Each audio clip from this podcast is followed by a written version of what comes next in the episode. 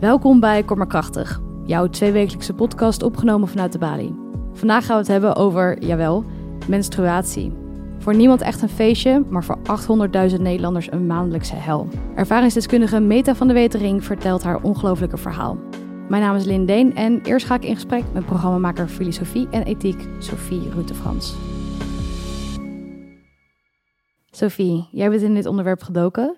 Waarom vond je het belangrijk om Meta's verhaal te delen? Meta heeft natuurlijk een ongelooflijk verhaal. Het is ook heel erg dapper, vind ik, dat ze dat gewoon bij ons verteld heeft. Hoe ze jarenlang geleefd heeft met een veel te heftige uh, menstruatie. En eigenlijk heel lang geen reden zag om daar hulp bij te zoeken. Dus dat is al heel bijzonder om te horen. En ik denk dat het juist zo goed laat zien dat vrouwen uh, heel dapper en sterk willen zijn en niet willen onderdoen voor mannen. Dus heel vaak bij vrouwenproblemen denken, ja, uh, dat laat ik aan niemand zien en ik ga gewoon door met mijn leven en ik ben sterk en ik zet me eroverheen. En eigenlijk blijkt uit haar verhaal dat ze haar hele leven om haar menstruatie heeft heen gebouwd. Dus op heel veel momenten heeft ze allerlei ingrepen en moeilijke omwentelingen om dat leven maar gewoon vol te houden. Dus ze kan op een gegeven moment niet meer naar buiten als ze ongesteld is, omdat ze zoveel bloed verliest. Ja, dan doet ze gewoon een regenbroek aan en dan legt ze een vuilniszak op de stoel van de auto. En dat soort dingen, dat je dus gaat normaliseren dat je zoveel pijn hebt en zoveel last hebt, maar nog steeds denkt, ja, maar ik moet hier gewoon een weg in vinden in mijn eentje. Dat is echt heel bijzonder en ik denk heel belangrijk voor heel veel vrouwen om te horen. Ja, zeker. En Meta is een van de 800.000 mensen met een baarmoeder die denken dat deze klachten er simpelweg bij horen. En zij zoeken daarom ook geen medische hulp. Waarom wordt pijn bij ongesteldheid zo genormaliseerd? Ja, ik denk dat een van de belangrijke dingen is dat we denken dat het er allemaal bij hoort. En dat vrouwen het gevoel hebben dat zeker dit soort pijn, typische vrouwenpijn, dat ze daarmee moeten leren leven. En je zult ook meteen horen als je ongesteld bent: oh ja, dat is vervelend en dat doet pijn en dat is Hè? Dus je krijgt al snel het idee van uh, dit is gewoon hoe het hoort. Dus wanneer weet je dan of je te veel pijn hebt? Ik denk dat die grens heel moeilijk te vinden is voor vrouwen. En tegelijkertijd denk ik ook dat er heel weinig onderzoek wordt gedaan specifiek naar het vrouwenlichaam. Daar is natuurlijk ook al heel veel over geschreven dat dat meer zou moeten zijn. Dus als dat een beetje op gang zou komen, denk ik dat heel veel vrouwen daar iets aan kunnen hebben. Ja, want hoe kunnen wij als maatschappij ervoor zorgen dat deze groep sneller geholpen wordt? Ja, een van de belangrijke dingen is denk ik het taboe eraf halen. Ik denk dat we allemaal nog weten dat we 16 waren en in de klas zaten en niet met een tampon door de school wilden lopen, maar altijd in een tasje en altijd ongemerkt en zorgen dat niemand het ziet en dat je niks achterlaat. En het allerergste was doorlekken natuurlijk, dat wilde je echt voorkomen. Als dat soort dingen meer geaccepteerd zouden zijn, denk ik dat het gesprek ook beter op gang komt. Tegelijkertijd denk ik, er wordt ook nu heel veel gedaan hè, om, het, om het beter te maken. Er is heel veel kritiek op de blauwe vloeistof uh, die gebruikt wordt in de reclames voor tampons en inlegkruisjes. En in Spanje zijn ze nu bezig met het uh, eerste menstruatieverlof van Europa. Dus ik ben heel benieuwd hoe dat verder gaat. Ja, zeker. Nou, we gaan het op de voet volgen. Dankjewel Sophie voor het gesprek. We gaan nu luisteren naar Meta van de Wetering.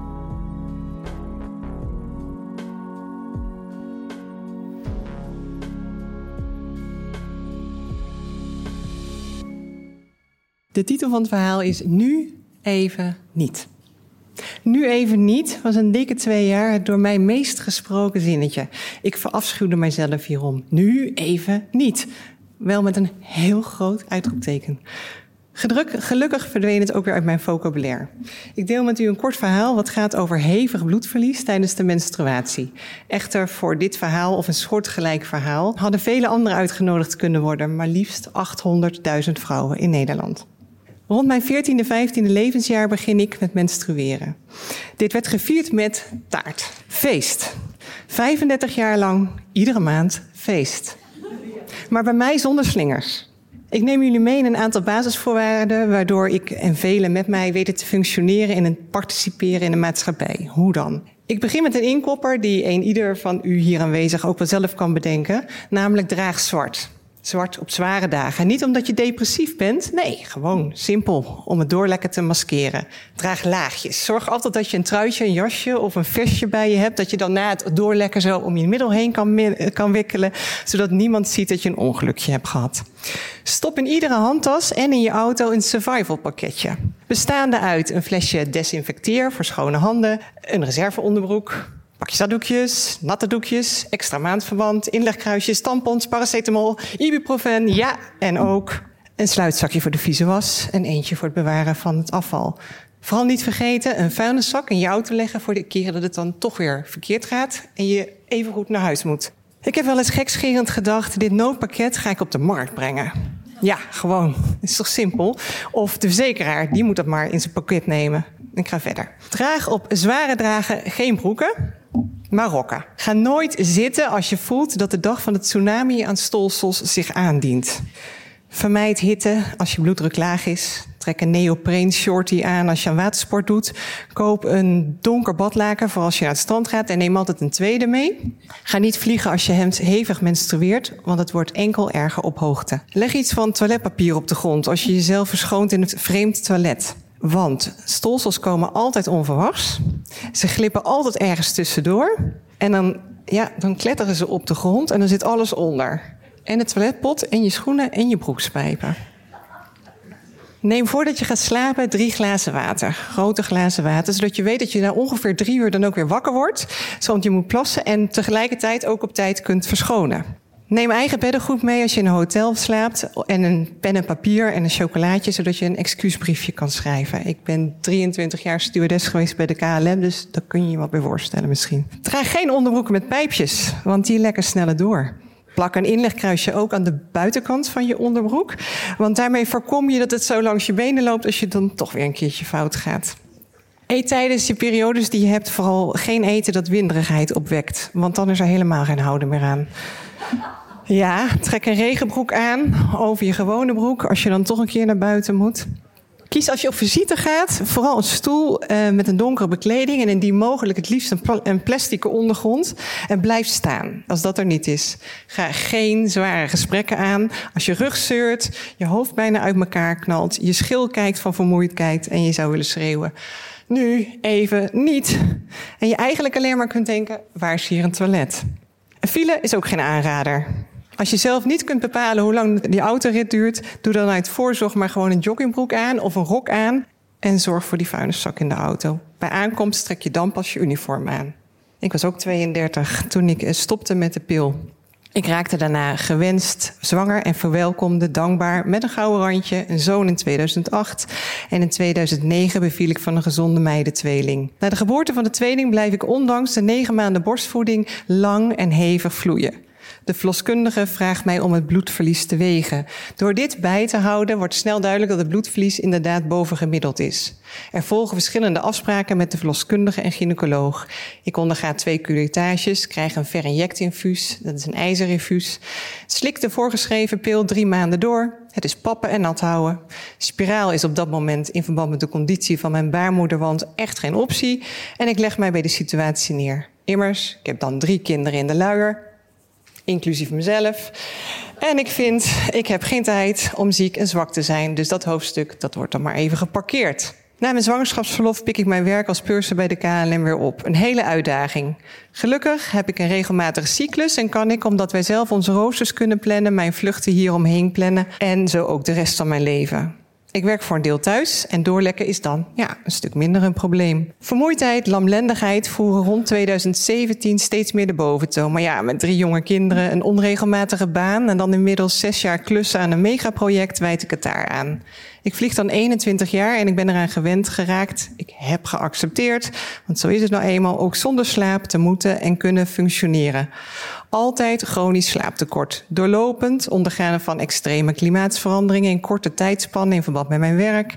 Eten op de gekste tijden, doorkruisen van tijdzones, maken van mij op dat moment een soort robot die vermoeidheid niet herkent en dit gewoon verliefd neemt. Bovendien, ik hou van mijn werk. Dus stoppen is dan echt geen optie. Een jaar later, april 2018, erken ik voor het eerst dat het met mij gewoon echt niet goed gaat.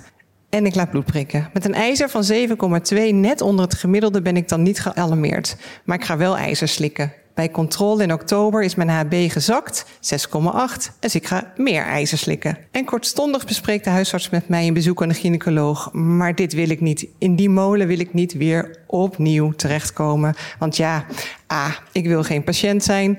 B, menstrueren was toch een feestje? En denk aan die taart. Ik heb ervaren dat voor niet alles een oplossing is en je dus gewoon soms moet leven met de ingrediënten die er zijn. Ondertussen, ja, ben ik zwaar kortademig, heb ik veel hoofdpijn, duizelig, hartkloppingen. En na of tijdens een lange vlucht moet ik heel vaak overgeven. Op de route lig ik in hotels meer op bed dan ik iets onderneem. Dit doet mij verdriet. Mijn lijf protesteert. Ik moet echt bijtanken om de terugvlucht te doorstaan. De twee uur durende autorit van Schiphol naar huis lukt niet meer. Deze wordt stevast onderbroken door drie uur te slapen op de carpoolplaats. Ik besluit dat het zo niet langer gaat en stop dan in 2019, drie, na 23 jaar, jaar met mijn mooiste baan bij de KLM. Helaas, ik knap niet op. Het stoppen met vliegen levert niet het gewenste resultaat. Er gaat een jaar voorbij, ik blijf moe, ik ga vroeg naar bed, eet gezonder dan wie dan ook, ben kei gelukkig, maar moe, benauwd en denkt geregeld, ja, daar komt hij weer. Nu even niet. Het is juli 2020 dat ik wederom bloed laat prikken. Twee dagen voordat we op vakantie gaan. Het verwijs voor dit bloedprikken en de cardioloog, die liggen er dan al drie maanden. Dat zegt denk ik wel genoeg. Diezelfde dag word ik nog gebeld door het ziekenhuis. Ja, mijn HB is dan 4,8 gevaarlijk laag en te wijten aan hevige bloedingen tijdens het menstrueren. Ik zucht. Zo vertrouwd als ik ben met het hevige vloeien en het inpassen in mijn functioneren, verbaast het mij oprecht dat dit de oorzaak is die mij nu de das omdoet. Ik had het toch zo goed onder controle? Niemand merkte er toch wat van? De volgende dag zit ik op aandringen en met dank aan dokter Reinders dan toch in het ziekenhuis. En dan opeens, niet ziek, toch patiënt. Hoe dan? Nu even niet. Ja, en dan toch. Dan start de malle molen opnieuw. Route 67, polykliniek, gynaecologie, het geboortecentrum, telefoonnummer gynaecologie, kan ik al snel dromen. Zo ook het gewicht van een schoon Pro Comfort supertampon, deze weegt 5 gram. En de Ultra Night maandverband, weegt 7 gram. Gewichten die ik nodig heb om uit te rekenen hoeveel bloed ik uiteindelijk verlies. Dat blijkt iedere maand maar liefst 1 tot 1,3 liter bloed te zijn. Tja, en dan de blauw gedrukte consultkaart. Daar staat op behandelmogelijkheden bij bloedverlies tijdens het ongesteld zijn. Deze consultkaart afgedrukt op ja, 1 A4'tje krijg ik van de gynaecoloog mee naar huis naar mijn eerste afspraak. Yes, denk ik. Een oplossing op 1 A4'tje. Dat spreekt mij pragmaticus en doener natuurlijk wel aan. Nou, we gaan ervoor. Ik doorloop alle stappen. Een half jaar later, eindelijk november, ik ben er mentaal en fysiek helemaal klaar mee. De blauwe consultkaart bleek veel geduldiger dan ik en bood mij niet de 1, 2, 3 oplossingen waar ik zo op gehoopt had. Ik vloei vergelijkbaar met een forse bloedneus. Stofzoals grote skippenlevertjes hebben mij dan volledig geïsoleerd van het normale dagelijks leven. Die regenbroek is inmiddels mijn standaard buiten de deurbroek. De wasmachine en de kruik mijn beste maatjes. Paracetamol en ibuprofen mijn dagelijkse rantsoen. En ja, gelukkig, ik zeg dan gelukkig, is het coronatijd. En valt het niet op dat ik niks kan en niks wil. Ik haal de boekingsagenda van onze verhuurlocatie offline.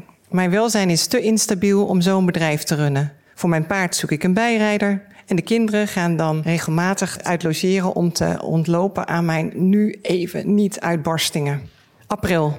Drie maanden later. Ik heb een behandelpauze gehad en we hervatten zoals afgesproken het traject. Er volgt een kijkoperatie een polyp en, ik durf het bijna niet te zeggen, vleesboom, ik zal het nu een spierbolletje noemen, worden verwijderd met eruit volgend, jawel, weer een langdurige bloeding. Ik voel mij wederom letterlijk en figuurlijk over een periode van drie weken tijd leeglopen. IJzerwaardes dalen weer.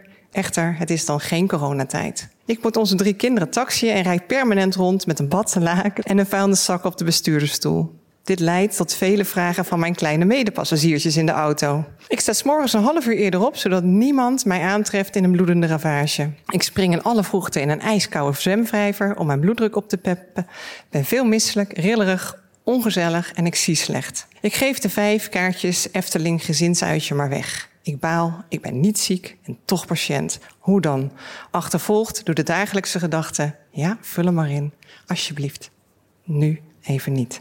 En dan, terwijl iedereen de eerste stralen van de voorjaarszon verwelkomt, zie ik met mijn lage ijzer vooral sterretjes. Na wikken en wegen geef ik maar over aan de laatste strohalm. Toch die baarmoederverwijdering. Ja, ik ben ook iemand hier in de zaal zonder baarmoeder. maar wel van het vrouwelijke geslacht. Na veel wikken en wegen geef ik mij, over, geef mij hier aan over omdat dit in mijn situatie wat complexer is, heeft de overstap naar een ander ziekenhuis met meer expertise en één vast aanspreekpunt mijn voorkeur. Ik stap over naar het MCC te Veldhoven. We onderzoeken met chirurgie de mogelijkheden tot de baarmoederverwijdering. Deze blijkt er te zijn. En in het traject naar verwezenlijking van dit plan wordt dan in gang gezet. In oktober 2021 word ik geopereerd. Een van de gynaecologen in opleiding aanwezig bij de operatie vertelde mij achteraf dat ze nog nooit iemand met zo'n grote glimlach onder zeil had zien gaan. Alles verliep volgens plan. Dankbaar, ontzettend dankbaar ben ik dokter Giomini. Ze zit hier ergens, maar ik kan het niet zien. Um, voor het uitvoeren van deze operatie en het traject ernaartoe.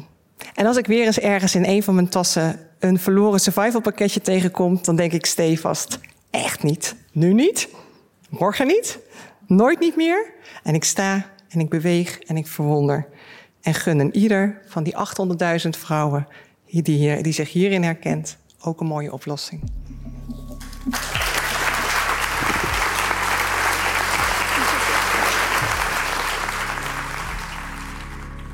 Dit was de kort maar krachtig van deze week. Volgende keer hoor je dit. Naar eigen zeggen realiseerde Andreas Burnier zich vanaf haar derde dat ze anders werd behandeld dan haar vriendje Nol van Dijk. Het viel haar op de kleuterschool op dat ze tegen hem zeiden handen wassen en tegen haar handjes wassen. Wil jij nou live bij een van onze programma's zijn? Volg ons op de socials en houd onze website in de gaten voor nieuwe data. Tot de volgende.